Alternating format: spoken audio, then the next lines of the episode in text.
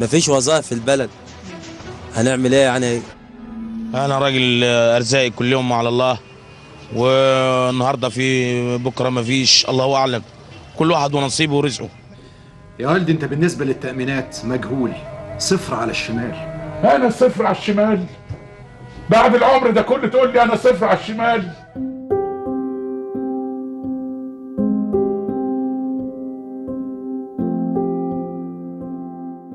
تختلف الأصوات والأسماء ولكن المعاناة واحدة لكل من ينتمي لفئة العمالة غير المنتظمة. العمالة غير المنتظمة مش المسمى الوحيد للفئة دي. لا دي ليها مسميات كتير جوه المجتمع المصري زي الأرزقية وعمال اليومية أو عمال التراحيل وكمان عامل على باب الله.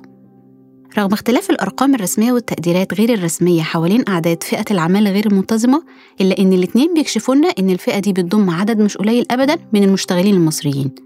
العدد ده في أقل تقدير ليه بيوصل 8 مليون عامل وعاملة بحسب اللي أعلنته وزيرة التضامن الاجتماعي نيفين القباج وأعلى تقدير بيتجاوز ال 13 مليون.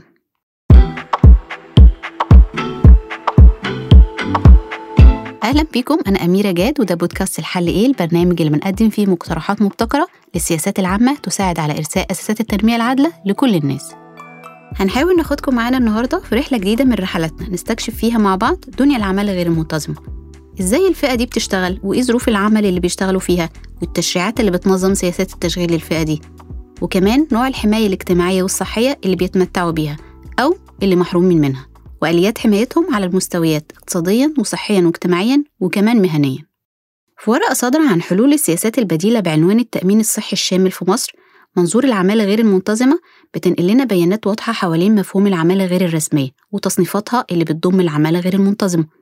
فهنلاقي الورقة بتقول لنا مثلا إن منظمة العمل الدولية بتعرف الفئة دي من العمالة على إنها العمالة اللي ما بتخضعش علاقتها الوظيفية لتشريعات العمل القومية أو الحماية الاجتماعية أو حتى الاستحقاقات المتعلقة بالعمل ولا ضريبة الدخل.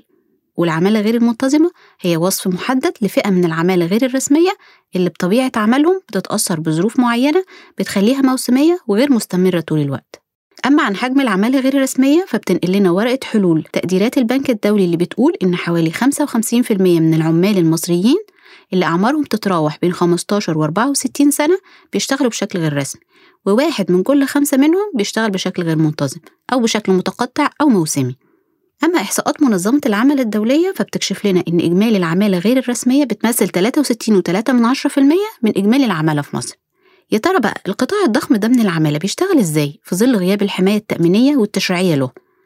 رحمة رفعت المحامية الحقوقية المستشار القانوني لدار الخدمات النقابية توصف لنا واقع التشغيل للفئة دي من العمالة التصنيف الأهم هو العمالة غير المنتظمة في القطاع الرسمي والعمالة غير المنتظمة في قطاع الاقتصاد غير الرسمي لأنه في الاقتصاد غير الرسمي له ملامح مختلفة شوية العمالة غير المنتظمة. في الاقتصاد الرسمي يعني في القطاع الخاص المسجل بتتلخص مشاكلها في إنها بتبحث عن استقرار وظيفي وحقوق تأمينية وحقوق قانونية وهنا ممكن القوانين تعالج ده لو في إرادة. ولكن العمالة غير المنتظمة في القطاع غير الرسمي المشكلة إنه مهمش خارج المجتمع مهمش خارج الاقتصاد وبالتالي مشاكل مركبة جدا وبالغة الصعوبة.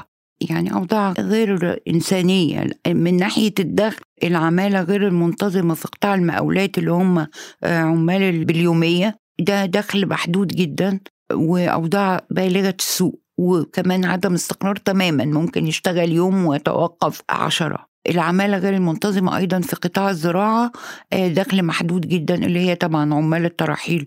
النسبة الأكبر منهم عمالة موسمية بتشتغل في مواسم الحصاد أو إلى آخره وطبعا بقية المواسم بتبقى متعطلة عن العمل ودي يعني نذكر إنه النسبة الأغلب منها نساء وأطفال. بيشتغل 60.4% من العمالة غير الرسمية في القطاع غير الرسمي. أما الباقي وهو 39.6% فبيشتغل في القطاع الرسمي تحت ترتيبات غير رسمية أو دون عقود أو تأمينات.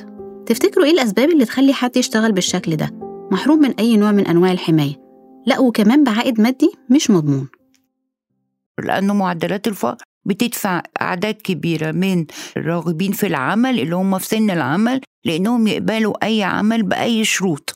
الفكرة إنه طبعا النسبة الأعظم من العمالة غير المنتظمة موجودة في القطاع غير الرسمي اللي هي مشكلة آه، طبعا كبيرة في مصر آه، لأنه آه، القطاع ده واسع جدا ولأنه طبعا في محاولات حكومية متعددة في إنها تدمج القطاع غير الرسمي في الاقتصاد الرسمي لأنه طبعا ده كأنه في دورة للأموال بتحصل خارج كل الاقتصاد الرسمي ولكن إحنا برغم كل المحاولات أفتكر إنه المحاولات دي ما بتأديش لنتيجة حقيقية بسبب إنه بيعاد إنتاج قطاع غير رسمي طول الوقت بسبب معدلات الفقر.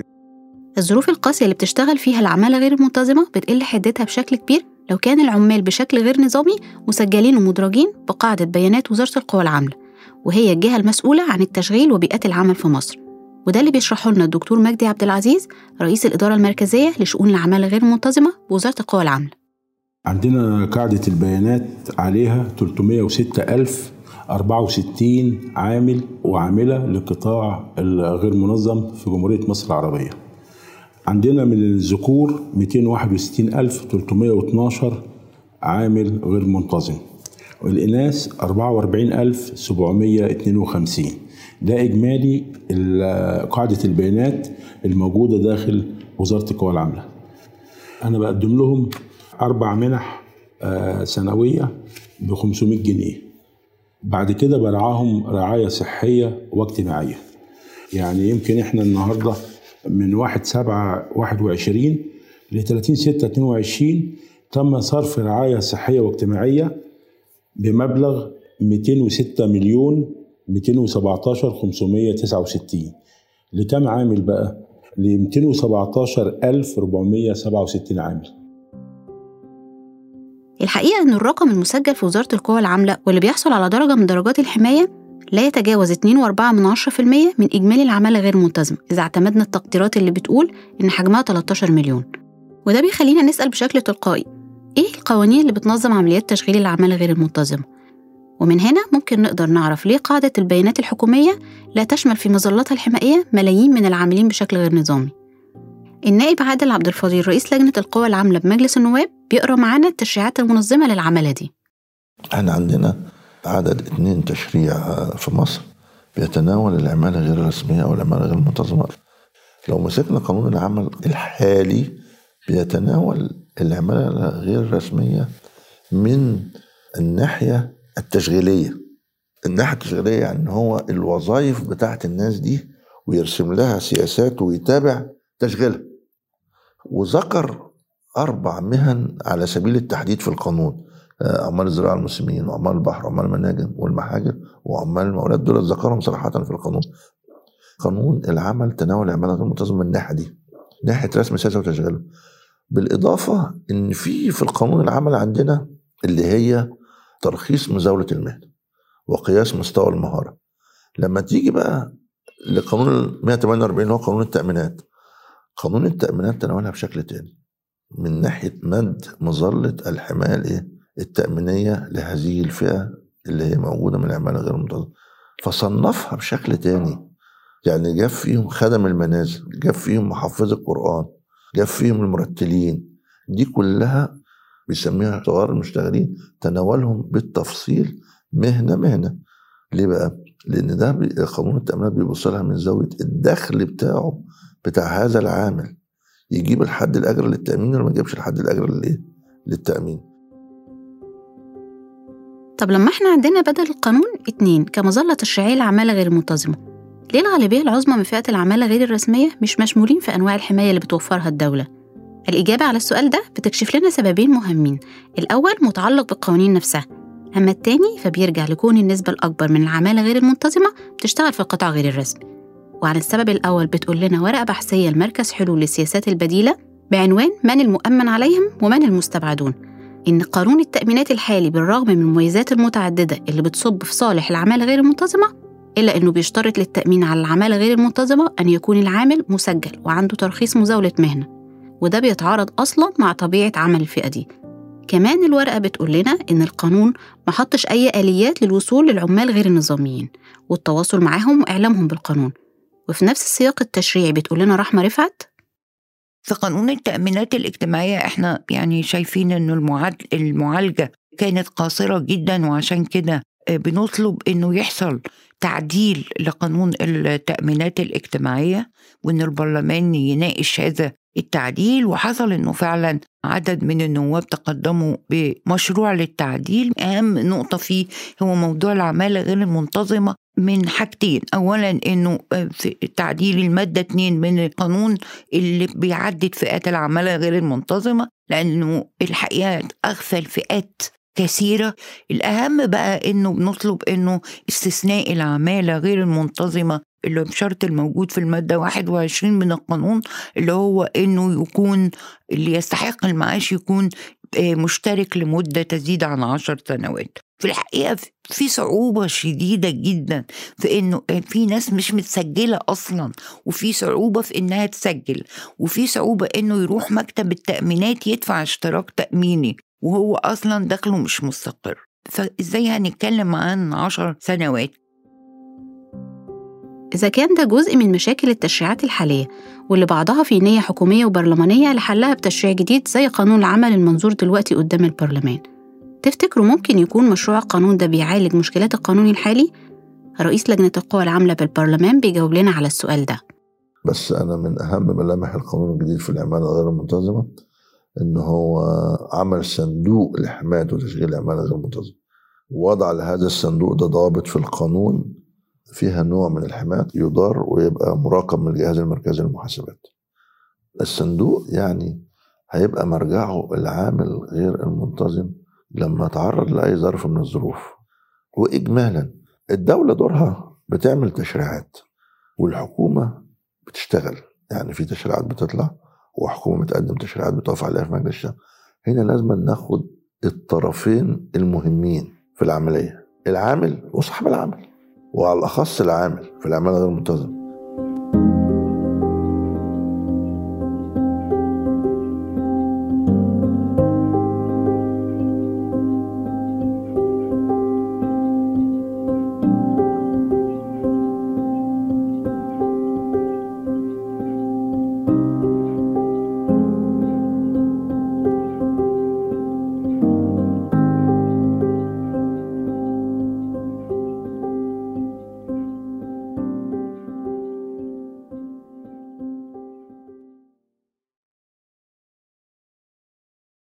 لما نرجع مرة تانية نبص على باقي الأسباب اللي خلت ظروف العمل العمالة غير المنتظمة تتسم بالقوة دي هنلاقي إنه وفقا لبيانات حكومية 61% من العمالة غير المنتظمة بتشتغل في القطاع غير الرسمي. الاقتصاد غير الرسمي هو مجموعة من كيانات الأعمال المتوسطة والصغيرة ومتناهية الصغر غير النظامية التي تتداول أنشطة ذات قيمة اقتصادية بعيدا عن سيطرة الجهات الرسمية. يعني في دراسة أجراها صندوق النقد الدولي على 158 دولة من الأعضاء خلال 25 سنة. متوسط الاقتصاد الغير رسمي يمثل 32% ونص من الناتج المحلي. ونظرا لطبيعة هذا القطاع غير المنتظم وعدم وجود جهة تستطيع تمثيلهم فإن عملية ضم هذا القطاع من منظومة صحية تضم العاملين بها ولأثرهم حقهم في الرعاية الصحية ويعتبر من أكبر تحديات قانون التأمين الصحي الجديد. وعن الإنتاج المستمر للاقتصاد غير الرسمي لعمالة غير منتظمة بتقول المستشار القانوني لدار الخدمات النقابية رحمة رفعت وطول ما أنا عندي نسبة بطالة عالية ومعدلات فقر عالية هيفضل في قطاع غير رسمي؟ طول ما في الريف ما هوش فيه تنمية حقيقية زراعية هيفضل يطرد. في أعداد على المدينة دول ما بيبقوش قادرين على إنهم يلتحقوا بأعمال بشروط عمل طيبة وبالتالي بيشتغلوا في عمالة غير رسمية وعمالة غير منتظمة. طول الوقت في دايرة بتعيد إنتاج الموضوع وأشكال التهرب من التسجيل والترخيص وكذا المصريين ما بيغلبوش. هتضايق عليه من هنا هيعمل من هنا هتضايق. هو المهم إنه عايز ياكل عايز يأكل عياله. فعشان كده هو الموضوع محتاج معالجة اجتماعية. في الأساس خطة إزاي بالهدف إدماج الناس دي اقتصاديا واجتماعيا وثقافيا مش الموضوع إنهم يخشوا دوران الأموال الرسمي. معالجة فكرة توسع الاقتصاد الغير الرسمي اللي بيخلق دورة إنتاج متجددة لفئات متنوعة من العمالة غير المنتظمة بتقوم على مدرستين عكس بعض تماما. الأولى بتركز على دمج الاقتصاد غير الرسمي في الاقتصاد الرسمي والتانية بتقول نسيب الفئة دي من العمالة تشتغل بحرية مع توفير مظلة حماية تشريعية واجتماعية وصحية لأفرادها. يا ترى أي مدرسة أولى بالتطبيق والنجاح؟ خلينا نشوف في الأول وجهة نظر البرلمانية. بس نتكلم على ثابت واحد وهو الأهم النهاردة سواء الراجل اشتغل حر برغبته سواء اشتغل وانضم للمنظومة الرسمية دي برضه براحته. أنا يهمني في الآخر حاجة واحدة توصل له. مد مظلة الحماية الاجتماعية ليه. يعني له تأمين ضد الشيخوخة والعجز والكسل وله تأمين صحي. وافتكر إن التعليم والصحة من اللي نص عليهم الدستور. يبقى النهاردة ليه تأمين خاص بيه وله علاج في الدولة. هم دولت أهم حاجتين سواء المنظومة بقت رسمي سواء اندرج تحت حاجة رسمية أو غير تحت حاجة رسمية. أما المجتمع المدني فبيشوف؟ المدرستين لهم وجهتهم يعني في المدرسة اللي شايفة إنه لازم يحصل الدمج شايفة إنه يعني ده الوضع الطبيعي إنه يبقى في اقتصاد رسمي في كل أشكال الاقتصاد مندمجة فيه. الناس اللي شايفة إنه آه، لأ نبقي عليه شايفة بالتجربة إنه بعد يناير 2011 آه، إحنا قعدنا تقريبا ثلاث سنين كان يعني الأوضاع في البلد غير مستقرة خالص. فعلا القطاع غير الرسمي شال البلد لأنه فضل فيه في البلد اقتصاد رغم إنه كان في أوضاع غير مستقرة بشكل شديد. فهم بيقولوا لك لا ليه بتعتبروا إنه القطاع غير الرسمي ده سوء؟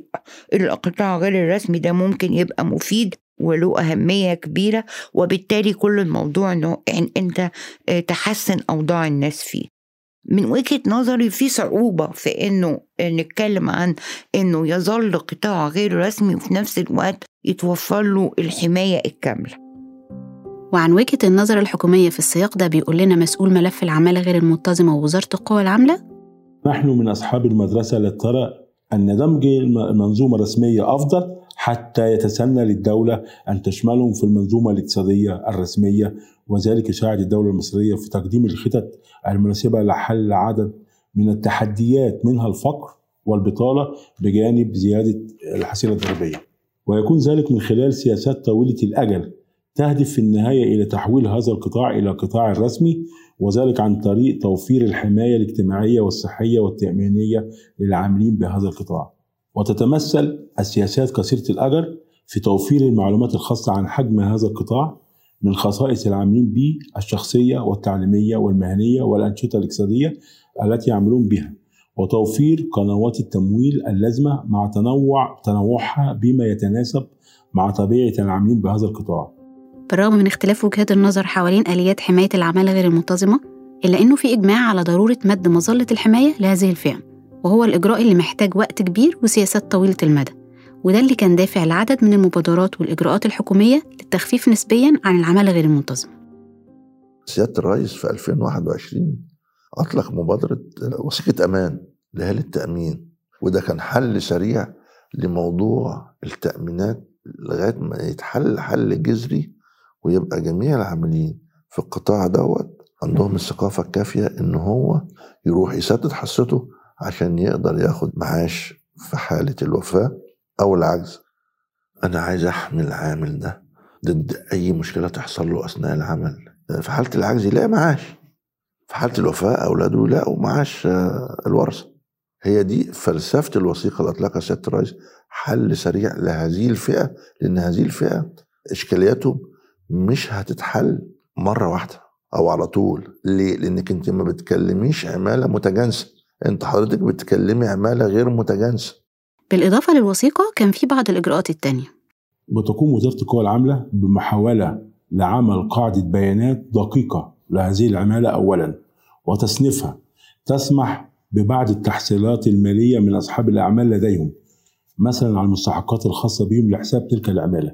تنفيذا للمادة 26 من قانون العمل وذلك لتقديم خدمات صحية واجتماعية لهم برضك إحنا شغالين دلوقتي في حاجة اسمها بواليس تأمين جماعية عملنا آه، 237 ألف 237 بوليس التأمين تكلفتهم 14 مليون 234 في بوليس حوادث في حالة الوفاة المواطن بياخد 200 ألف جنيه.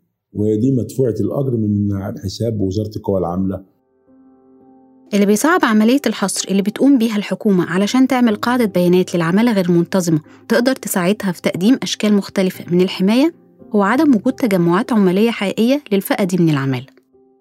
وجود نقابات لهذه الفئة آه، مهم جدا في تطوير أوضاعها لأنه مثلا النقابات ممكن تلعب دور مهم في إن ال- العمالة غير المنتظمة تتسجل في التأمينات وبالتالي يبقى لها حقوق تامينيه ولكن المشكلة هم هم طبعا تاريخيا ما كانش عندهم نقابات. حصل آه، بعد ثورة يناير الحمد لله بقى في حاجة اسمها نقابات مستقلة. الناس ممكن تشكلها بإرادتها. ولكن لما طلع قانون رقم 213 لسنة 2017 اللي هو قانون المنظمات النقابية العمالية أتاح الفرصة مرة أخرى بأنه في حاجة اسمها لجنة نقابية عمالية مهنية بمعنى إنها مش في منشأة مش في مؤسسة ممكن تبقى ناس على مستوى المحافظة بيشتغلوا في مهنة معينة يعملوا مع بعض آه، نقابة. ده الحقيقة ساهم يعني مثلا في لجنة نقابية لصغار المزارعين في البحيرة دول مثلا عمالة غير منتظمة في مجال الزراعة. في لجنة نقابية اللي عاملين بالمحاجر المنيا مناجم محاجر المنيا وده طبعا كلها عمالة غير منتظمة. فابتدى يبقى فيه ولكن لازالت قليلة جدا في العدد لأنها محتاجة مبادرة الناس نفسها يعني. المشهد العام لقطاع العمالة غير المنتظمة يبدو وكأننا بندور في دايرة مغلقة. علشان الحكومة تقدم لهم الحماية الاجتماعية والصحية وحتى المهنية لازم يكونوا مسجلين بقاعدة البيانات الرسمية. والتسجيل هنا إما من صاحب العمل اللي الغالبية العظمى منهم خارج القطاع الرسمي أصلا أو من العامل اللي في الغالب برضه ما عندوش الوعي الكافي أو الإمكانيات المادية اللي تخليه يسجل نفسه ويدفع الاشتراكات التأمينية اللازمة لتسجيله ولدخوله جوه مظلة الحماية وفي محاولة مننا للخروج من الدايرة دي هنحاول نجاوب على سؤال البرنامج الرئيسي الحل إيه؟ يعني إحنا دلوقتي كوزارة القوى العاملة ومديرياتها التابعة لها بنعمل حصر مع توعية عشان المواطن أو العامل يعرف حقوقه وواجباته. لازم يفهم إن هنا في في قطاع ال- العمالة غير المنتظمة هيستفيد هيستفيد. لكن أنا ك- وجهة نظري الشخصية إن التعقيدات الإدارية دي السبب في إن الناس بتهجر القطاع الرسمي وارتفاع تكلفة المساندات اللازمة لتأسيس الكيان وعدم قدرة ذلك الكيان الصغير على الوصول إلى التسهيلات الائتمانية ضعف الثقافة الضريبية لدفعات عريضة من المجتمع عدم قدرة الاقتصاد غير رسمي على مواكبة التطورات التكنولوجية. لكن إحنا كوزارة بنحاول بننزل المستوى الميداني للمواطنين ونوعيهم. وعن رؤية المجتمع المدني للحلول بتقول لنا الأستاذة رحمة؟ هي محتاج تضافر جهود عدة علشان خاطر تتحل من جوانب مختلفة. ده علشان يبقى في استراتيجية تشوف هتتعامل مع العمالة غير المنتظمة اللي هي من أول منادي السيارات لحد الستات اللي قاعدين على صناديق بيبيعوا خضرة إزاي يبقى في قروض صغيرة ومشاريع متناهية الصغر تساعدهم يطوروا أعمالهم يقدروا يتعاملوا مع جهات متنوعة آه، وفي نفس الوقت توفر لهم الحماية. محتاجين تعديل تشريعات فيما يتعلق بالحاجة المطلب الملح اللي هو موضوع الحصر والتسجيل. إنه الأعمال غير المنتظمة تبقى مسجلة علشان أقدر أقدم لها آه، الحماية. مش عشان أخد منها فلوس ولا جباية عشان أوفر لها الحماية. تعديل قانون التأمينات زي ما بقول تعديل البند رابعا من المادة 2 بحصر جميع فئات العمالة غير المنتظمة. في القطاعات الرسمية وغير الرسمية وتعديل المادة 21 واستثناء العمالة غير المنتظمة من شرط عشر سنين. اشتراك في المعاش لحصولهم على المستحقات والحقوق التأمينية عند بلوغهم سن التقاعد أو عند إصابتهم أو المرض إلى آخره. توفير الرعاية الصحية بالذات في حالات المرض وفي حالات الإصابة من خلال هيئات التأمين الصحي آه لحين ما نوصل لموضوع التأمين ال- الصحي الشامل. وعن الحلول من الرؤية البرلمانية؟ لازم الأطراف الثلاثة يشتركوا فيه العامل وصاحب العمل والدولة. الدولة دورها إن هي توعي الناس ديت ولازم تعرفهم بأهمية إن هو يندرج تحت مظلة التأمينات. أنا بدرجه تحت مظلة التأمينات مش عشان أسبب لك مشكلة مع الضرايب لا أنا بدرجك عندي علشان أقدر تاخد مستوى صحي كويس مستوى تعليمي كويس طبقا لما نص عليه الدستور تقدر تواجه اعباء الحياة في حالة العجز أو الشيخوخة. النقابات العمالية عليها دور في التوعية والتفهيم العمال علشان هو الهدف من اقتصاد غير رسمي من اقتصاد رسمي علشان نرفع من شأن مهنتهم. والناس دي تقدر تنتج وتقدر تشتغل.